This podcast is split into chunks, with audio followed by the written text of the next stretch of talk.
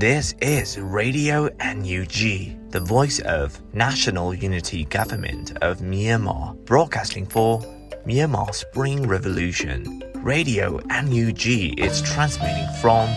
shortwave 16 meter 17.79 megahertz at 8:30 a.m. and 25 meter 11.94 megahertz at 8:30 p.m. Myanmar Standard Time. မင်္ဂလာပါခင်ဗျာ အမျိုးသားညီညွတ်ရေးအစိုးရရဲ့အတန်လွင့်ဌာန Radio NUG ကိုမနက်ပိုင်း၈နာရီခွဲမှာလိုင်းတို16မီတာစက္ကန့်တက်သမ9 MHz ညပိုင်း၈နာရီခွဲမှာလိုင်းတို25မီတာ17တက်သမ6 MHz တို့မှာဓာတ်ရိုက်ဖမ်းယူနိုင်နိုင်ပါပြီမင်္ဂလာအပေါင်းနဲ့ပြည့်စုံကြပါစေအခုချိန်ကစပြီး Radio NUG အစီအစဉ်တွေကိုဓာတ်ရိုက်အတန်မြင့်ပေးနေပါပြီ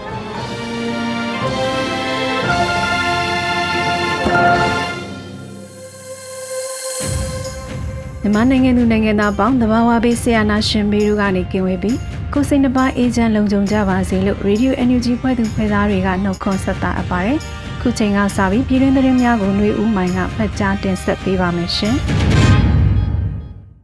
မင်္ဂလာပါရှင်။အခုချိန်ကစပြီး Radio NUG ရဲ့နောက်ဆုံးရသတင်းများကိုဖတ်ကြားပေးပါတော့မယ်။ကျွန်မຫນွေဦးမိုင်ပါ။ဒေါ်အောင်ဆန်းစုကြည်ကိုနေအိမ်မှာပြန်ထားဖို့ စစ်ကောင်စီကိုအာဆီယံအထူးတန်တမန်တိုက်တွန်းတဲ့သတင်းကိုဦးစွာတင်ပြပေးပါမယ်။ဒေါ်အောင်ဆန်းစုကြည်ရဲ့အသက်အရွယ်နဲ့ကျန်းမာရေးကိုထောက်ဆပြီးနေပြည်တော်အကျဉ်းထောင်ထဲမှာမထားဘဲအရင်ထိမ့်သိမ်းထားတဲ့နေအိမ်ကိုပြန်ထားဖို့အာဆီယံအထူးကိုယ်စားလှယ်ကမ္ဘောဒီးယားနိုင်ငံချိုင်းဝင်ကြီးပရက်ဆော့ခွန်ကဒီနေ့ဇွန်လ29ရက်မှာစစ်ကောင်စီကိုတိုက်တွန်းလိုက်ပါတယ်လို့ BBC သတင်းမှာဖော်ပြထားပါတယ်။ဒေါ်အောင်ဆန်းစုကြည်ဟာထိမ့်သိမ်းထားတဲ့နေအိမ်ကနေနေပြည်တော်အချုပ်ထောင်ထဲပြောင်းလဲနေထိုင်နေရတဲ့ကိစ္စကို အာဆီယံနိုင်ငံချိုင်းဝင်ကြီးတွေကလည်းအလားတူစိုးရိမ်ကြောင်းပြောနေကြတယ်လို့မစ္စတာပရက်ဆော့ခွန်ကဆိုပါရရှင်ဆက်လက်ပြီးအမျိုးသားညီညွတ်ရေးအစိုးရကျန်းမာရေးဝန်ကြီးဌာနက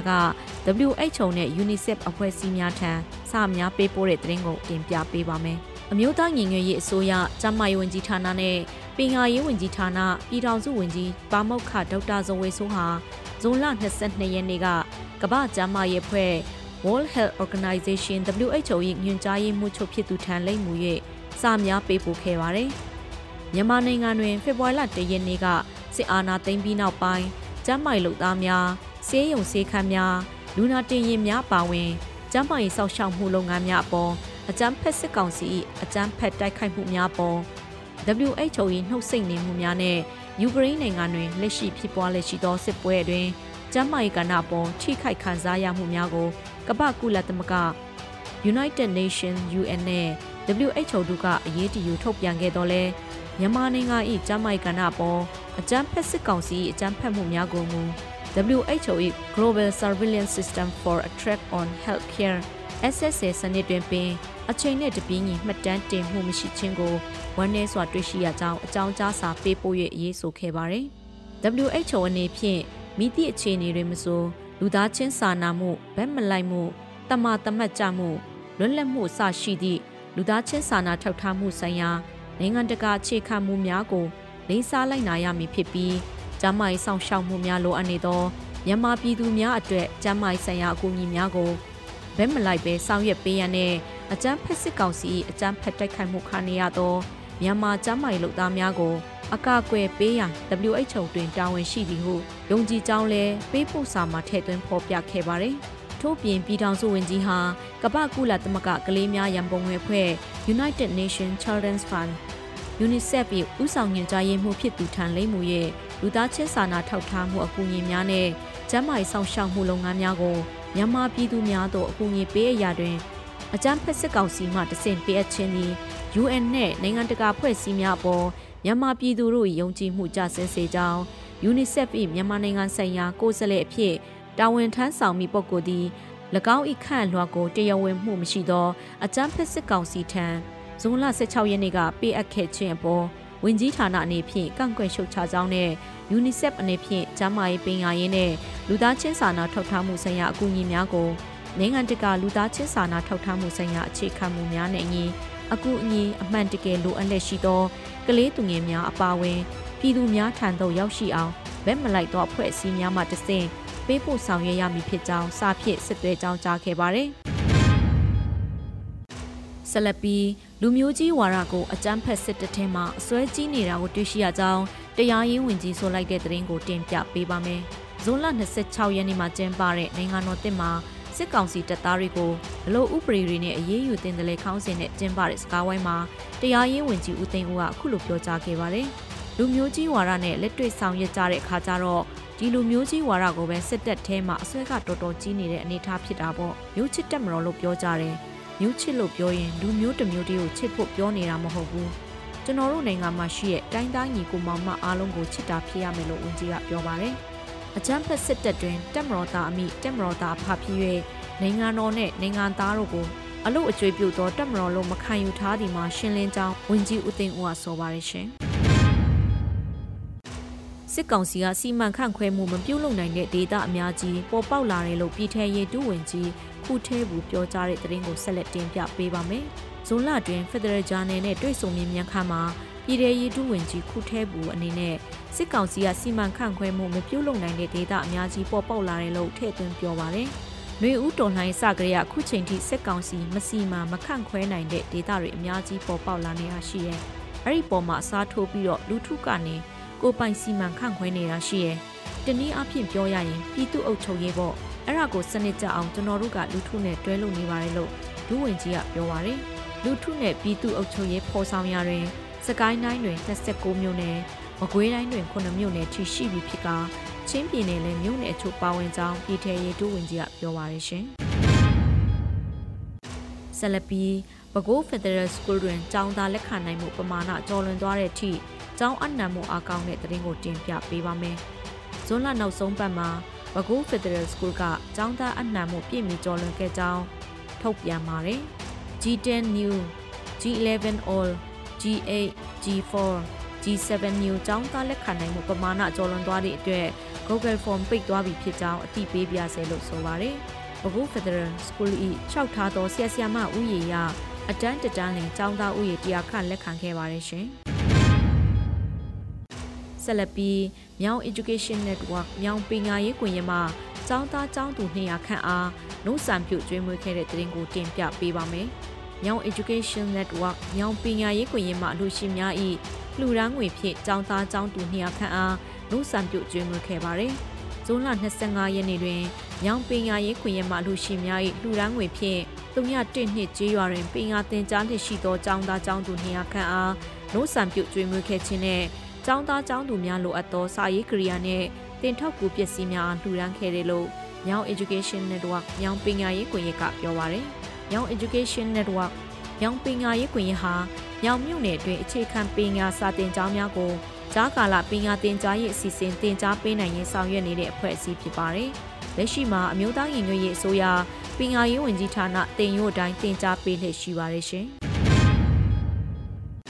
အင်းတော်မြို့နယ်မင်းကုန်းရွာကိုစစ်ကောင်စီတပ်များဝင်ရောက်တောင်းကျမ်းဖျက်ဆီးက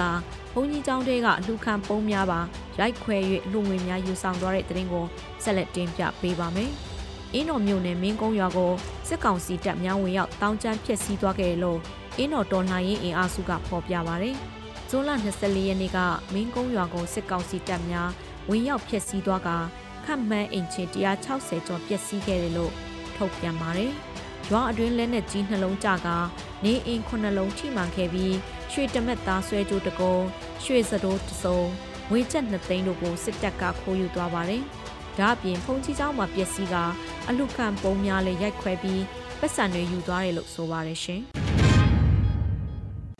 ဆက်လက်ပြီးဗမောက်တောင်ပိုင်းသို့စစ်ကြောင်းထိုးလာသောစစ်ကောင်စီတပ်များကာကွယ်တပ်များပူးပေါင်းတိုက်ခိုက်မှုကြောင့်အချမ်းဖက်စစ်တပ်က9ဦးသေဆုံးတဲ့တဲ့ရင်ကိုဖတ်ကြားပါမယ်။ဗမောက်တောင်ပိုင်းသို့စစ်ကြောင်းထိုးလာသောစစ်ကောင်စီတပ်များအားကာကွယ်တပ်များပူးပေါင်းတိုက်ခိုက်မှုကြောင့်အချမ်းဖက်စစ်တပ်9ဦးသေဆုံးခဲ့ပါတယ်။ ဇွန်လ26ရက်စစ်ကြောင်းထိုးလာသောစစ်ကောင်စီတပ်များကိုဒေသခံကာကွယ်တပ်နဲ့ပူးပေါင်းတိုက်ခိုက်ခဲ့တယ်လို့ဗမောက် Revolution ကဆိုပါတယ်။ဗမောက်တောင်ပိုင်းသို့စစ်ကြောင်းထိုးလာသောစစ်ကောင်စီတပ်များအားမိမိတို့ကတာခရိုင်တပ်ရင်းနှင့်နဲ့ဒေသကာကွယ်တပ်ပူးပေါင်း၍ထိထိမိမိမိုင်းဆွဲလိုက်နိုင်သဖြင့်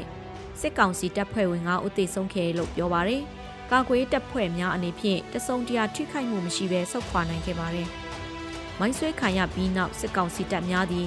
လက်နက်ကြီးလက်နက်ငယ်များဖြင့်ရန်တမ်းပစ်ခတ်နေသဖြင့်အနီးအနားရှိရွာများမှတိန့်ရှောင်နေရကြောင်းသတင်းရရှိပါရယ်အခုတင်ပြပေးခဲ့တဲ့သတင်းတွေကိုတော့ Radio UNG သတင်းထောက်မင်းမင်းကပေးပို့ထားတာဖြစ်ပါတယ်ရှင်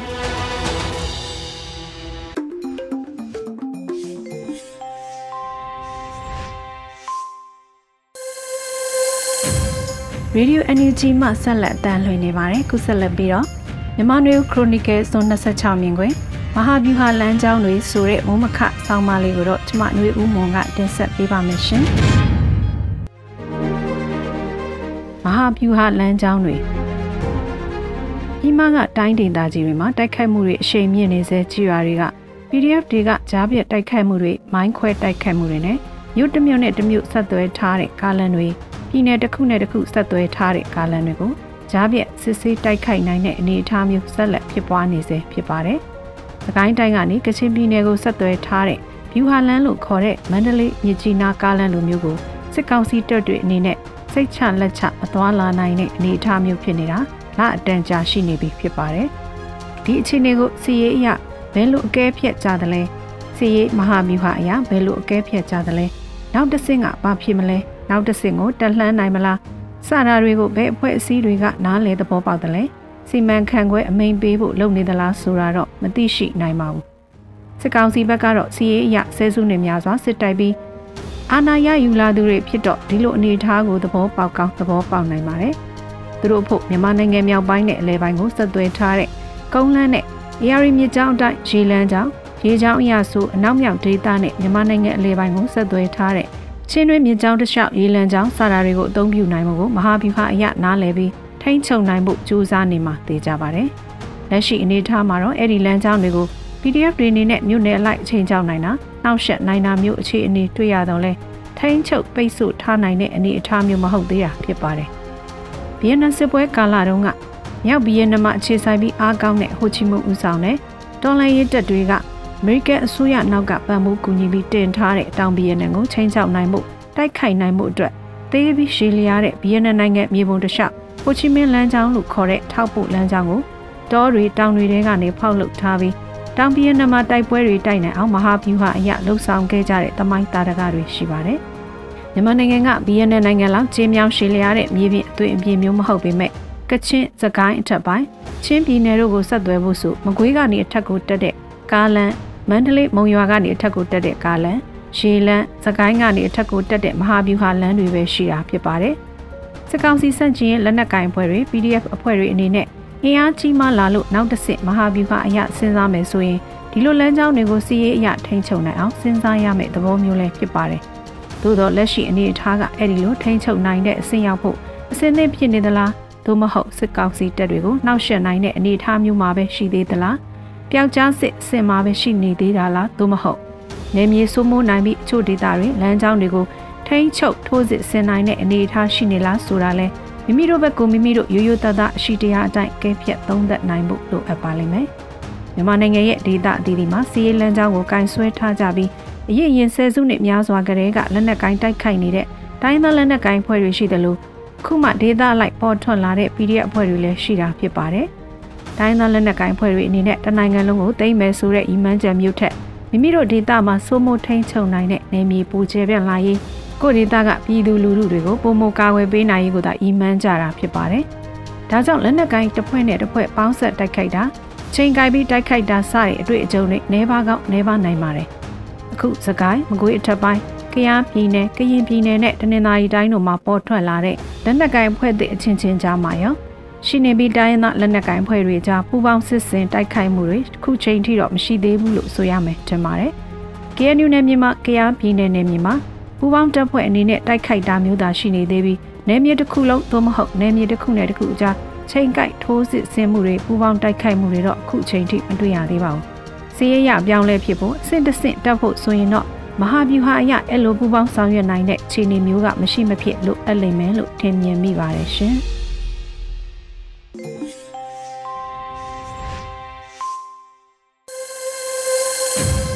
Radio NUG ကိုနားဆင်နေကြရတာပါခုဆက်လက်ပြီးရဲတဲ့ဘက်မိုးလေဝသခံမှန်းချက်တွေကို Airy ကတင်ဆက်ပေးပါမယ်ရှင်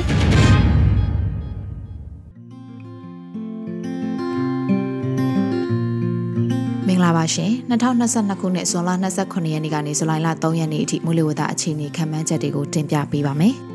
အခုနှစ်မုတ်တုံမှုအခြေအနေဟာအိန္ဒိယနိုင်ငံအရှေ့ပိုင်းကိုဝင်ရောက်လာခဲ့ပြီးအိန္ဒိယအလယ်ပိုင်းကိုတိုးဝင်ဖို့တုံဆိုင်နေကဇွန်လ25ရက်နေ့ထိအိန္ဒိယနိုင်ငံအရှေ့ပိုင်းမှာသာဆက်ပြီးတည်ရှိနေပါတယ်။အခုတစ်ပတ်အတွင်းမိုးဥကာလကုံဆုံးပြီးဇူလိုင်လ1ရက်နေ့ကနေစတင်လို့မိုးလေကာလကိုရောက်ရှိပြီးမြမကန်ယူရန်ဒေတာတွေမှာလေမိုးပြင်းထန်တီးထန်လာမှာဖြစ်ပါတယ်။ ထူးခြားချက်အနေနဲ့ကတော့အိန္ဒိယနိုင်ငံမြောက်ပိုင်းကိုမုတ်တုံလီမရောက်သေးပေမဲ့လည်းမုတ်တုံလီပေါ်ချိုင်ဝမ် Monsoon Low Cell မှာပုံမှန်ရက်တွေထက်စောပြီးအခုတစ်ပတ်အတွင်းမှာလည်းနောက်တစ်ချိန်ဇူလိုင်လ3ရက်4ရက်နဲ့5ရက်နေ့တွေမှာအိန္ဒိယနိုင်ငံဂင်းကလွင်ပြင်မှာဖြစ်ပေါ်လာနိုင်တာကြောင့်ရခိုင်ကမ်းရိုးတန်းနဲ့တနင်္သာရီကမ်းရိုးတန်းစကိုင်းတိုင်းအထက်ပိုင်းနဲ့ကချင်ပြည်နယ်တို့မှာမိုးပုံမိုးရွာသွန်းလာနိုင်ပါတယ်။တခြားတစ်ဖက်မှာတကြောပြန်အပြန်တက်လာနိုင်တဲ့လာနီညာကြောင့် အကျိုးဆက်အဖြစ်မေလနဲ့ဇွန်လတွေမှာသာမကနိုဝင်ဘာလအထိတက်ရောက်မှုရှိနိုင်တာကိုလည်းကြိုတင်အသိပေးလိုပါတယ်။အခုရက်သက်တစ်ပတ်တတိပြူရန်ကတော့ဇွန်လ29ရက်နေ့ကနေ30ရက်နေ့အတွင်းမှာမုတ်တုံလီအားအသင့်တင်ရှိနေရကနေဇူလိုင်လ1ရက်နေ့ကနေ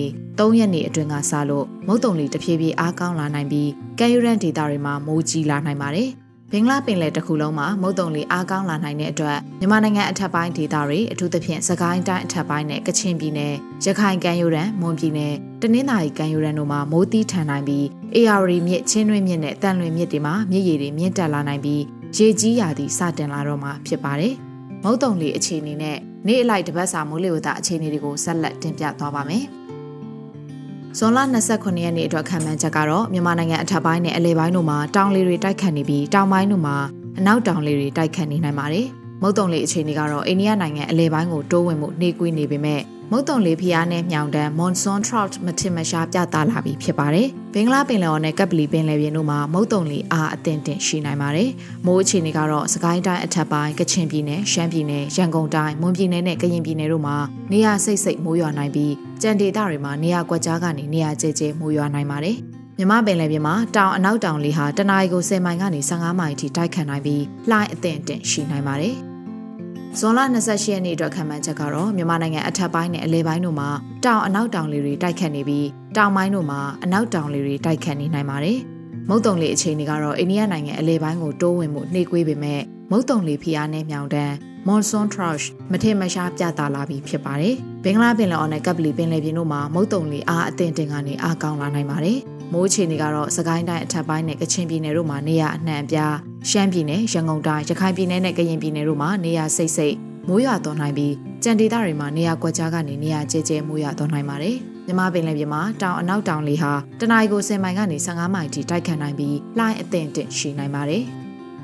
ဇွန်လ29ရက်နေ့အတွက်ခံမှန်းချက်ကတော့မြန်မာနိုင်ငံအထက်ပိုင်းနဲ့အလဲပိုင်းတို့မှာတောင်အနောက်တောင်လေတွေတိုက်ခတ်နေပြီးတောင်ပိုင်းမှာအနောက်တောင်လေတွေတိုက်ခတ်နေနိုင်ပါတယ်။ မုတ်တုံလေးအခြေအနေကတော့မုတ်တုံလေးဖီအားနဲ့မြောင်တန်း monsoon trout ကထင်ရှားလာပြီဖြစ်ပါတယ်။ဘင်္ဂလားပင်လယ်အော်နဲ့ကပလီပင်လယ်ပြင်တို့မှာမုတ်တုံလေးအားအသင့်တင်ကနေအားကောင်းလာနိုင်ပါတယ်။မိုးအခြေအနေကတော့ချင်းပြည်နယ်၊စကိုင်းတိုင်းအထက်ပိုင်းနဲ့ကချင်ပြည်နယ်တို့မှာနေရာအနှံ့အပြားရှမ်းပြည်နယ်၊ရန်ကုန်တိုင်းရခိုင်ပြည်နယ်နဲ့ကရင်ပြည်နယ်တို့မှာနေရာစိတ်စိတ်မိုးရွာသွန်းနိုင်ပြီးကြံဒေသတွေမှာနေရာကွက်ကြားကနေနေရာကျဲကျဲမိုးရွာနိုင်ပါတယ်။စကိုင်းတိုင်းအထက်ပိုင်းနဲ့ကချင်ပြည်နယ်တို့မှာနေရာကွက်ပြီးမိုးကြီးနိုင်ပါတယ်။ မြမပင်လယ်ပြင်မှာတောင်အနောက်တောင်လေဟာတနအီကို10မိုင်ကနေ15မိုင်အထိတိုက်ခတ်နိုင်ပြီးလှိုင်းအသင့်အင့်ရှိနိုင်ပါတယ်။ဇွန်လ30ရက်နေ့အတွက်ခံမှန်းချက်ကတော့မြန်မာနိုင်ငံအထက်ပိုင်းအလဲပိုင်းနဲ့တောင်ပိုင်းတို့မှာအနောက်အနောက်တောင်လေတွေတိုက်ခတ်နေနိုင်ပါတယ်။မုတ်တုံလေအခြေအနေကတော့မုတ်တုံလေဖိအားနဲ့မြောင်တန်း monsoon trough ကထင်ရှားလာပြီးဖြစ်ပါတယ်။ဘင်္ဂလားပင်လယ်အော်နဲ့ကပ်ပလီပင်လယ်ပြင်တို့မှာမုတ်တုံလေအားအသင့်တင်ကနေအားကောင်းနိုင်ပါတယ်။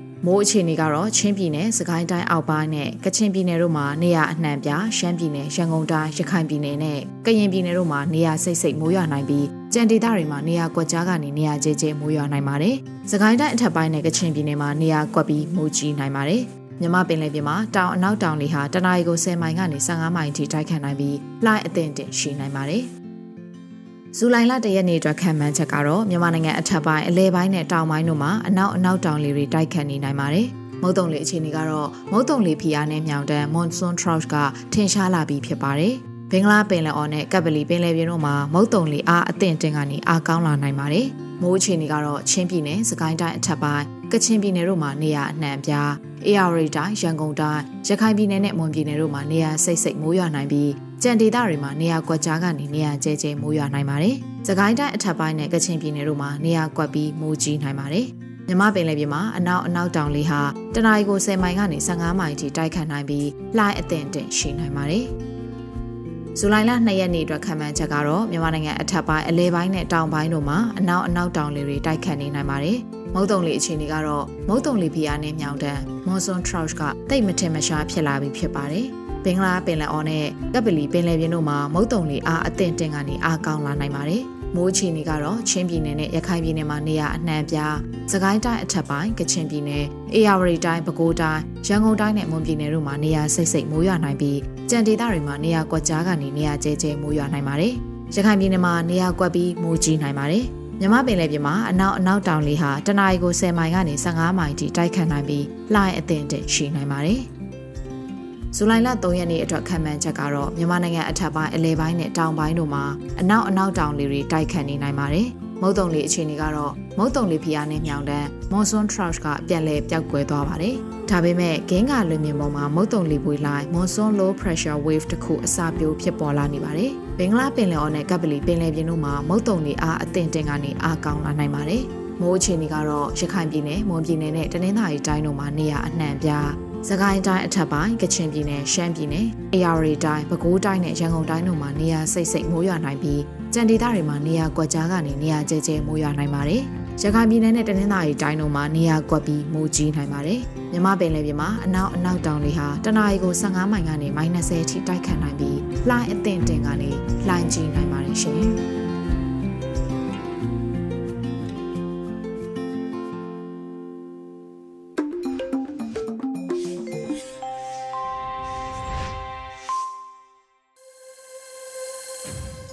ဆက်လက်တင်ဆက်ပေးမှာကတော့တိုင်းသားဘာသာစကားအစီအစဉ်ဖြစ်ပါတယ်။ပတ်စဉ်သတင်းများကိုစကောကရင်ဘာသာနဲ့နော်နွေဦးပွင့်ကတင်ဆက်ပေးမှာပဲဖြစ်ပါတယ်ရှင်။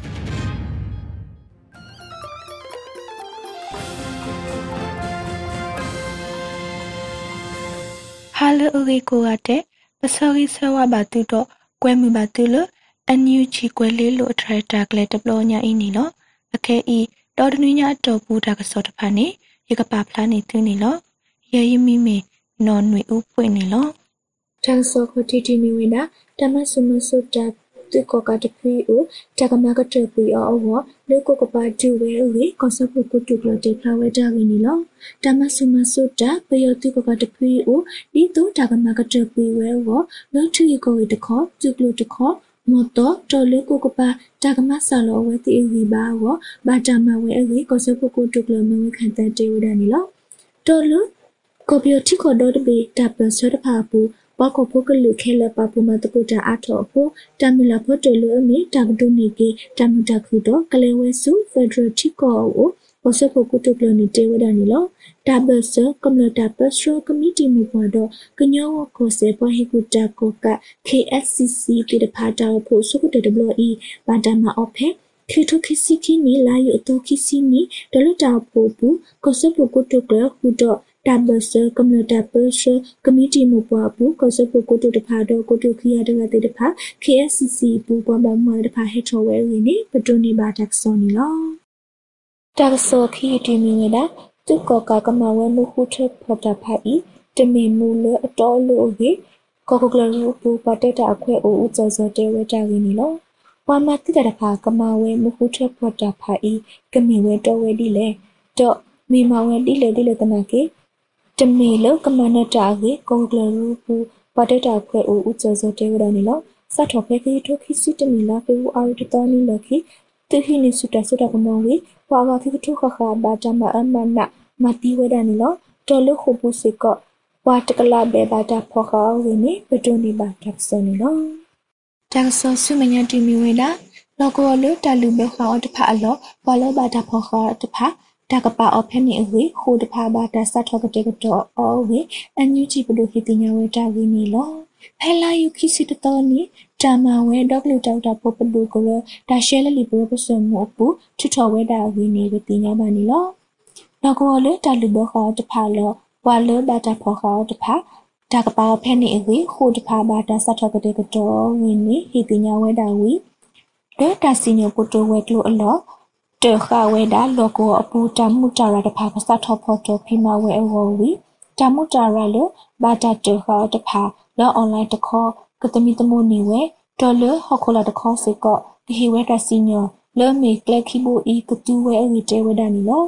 ဒေါ်တာစီညောတေတဖာဖဲတာတမအောဆဝဒေါ်တခေါပွာလဘာတာဖောခါတဖာတကပါအဖဲလောကောလတာလူဘခါအတဖာအလောနေ ခိုတဖာဘာတာစထောဖိမဝဲလီနေပတိညာပါနီလောခေထုခိစိခိနီလာမေတစိပိတောနီနေထိကောကောကလရူတာဘူဘာနိုဝီစီတပနုတထခိထုခိစိခိတော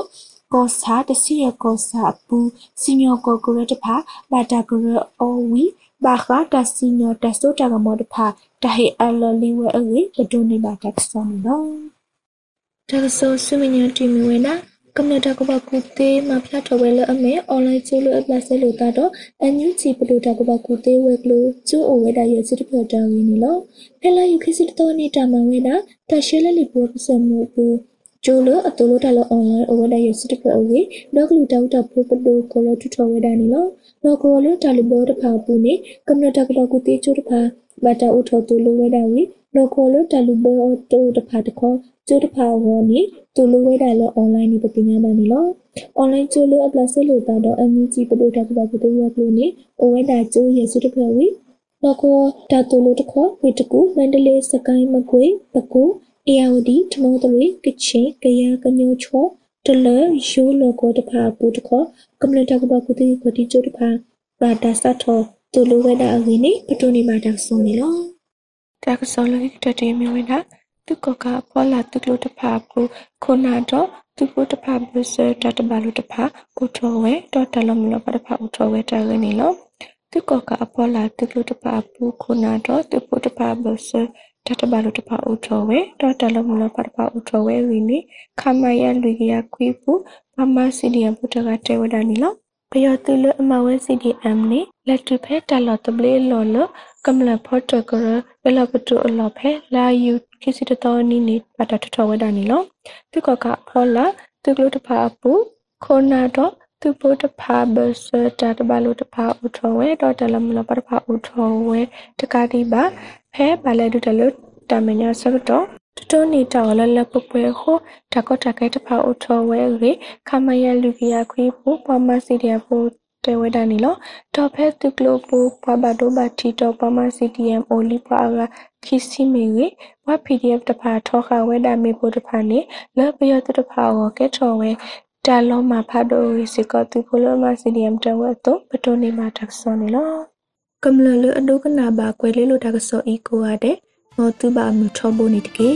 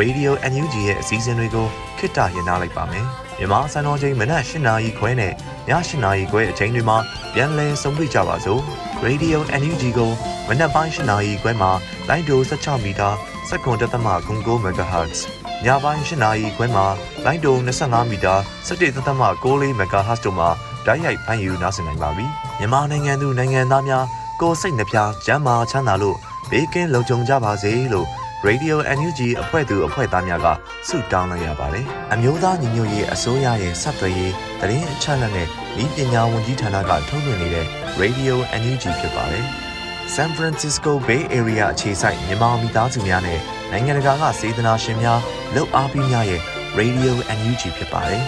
။အရေးတော်ပုံအောင်ရမည်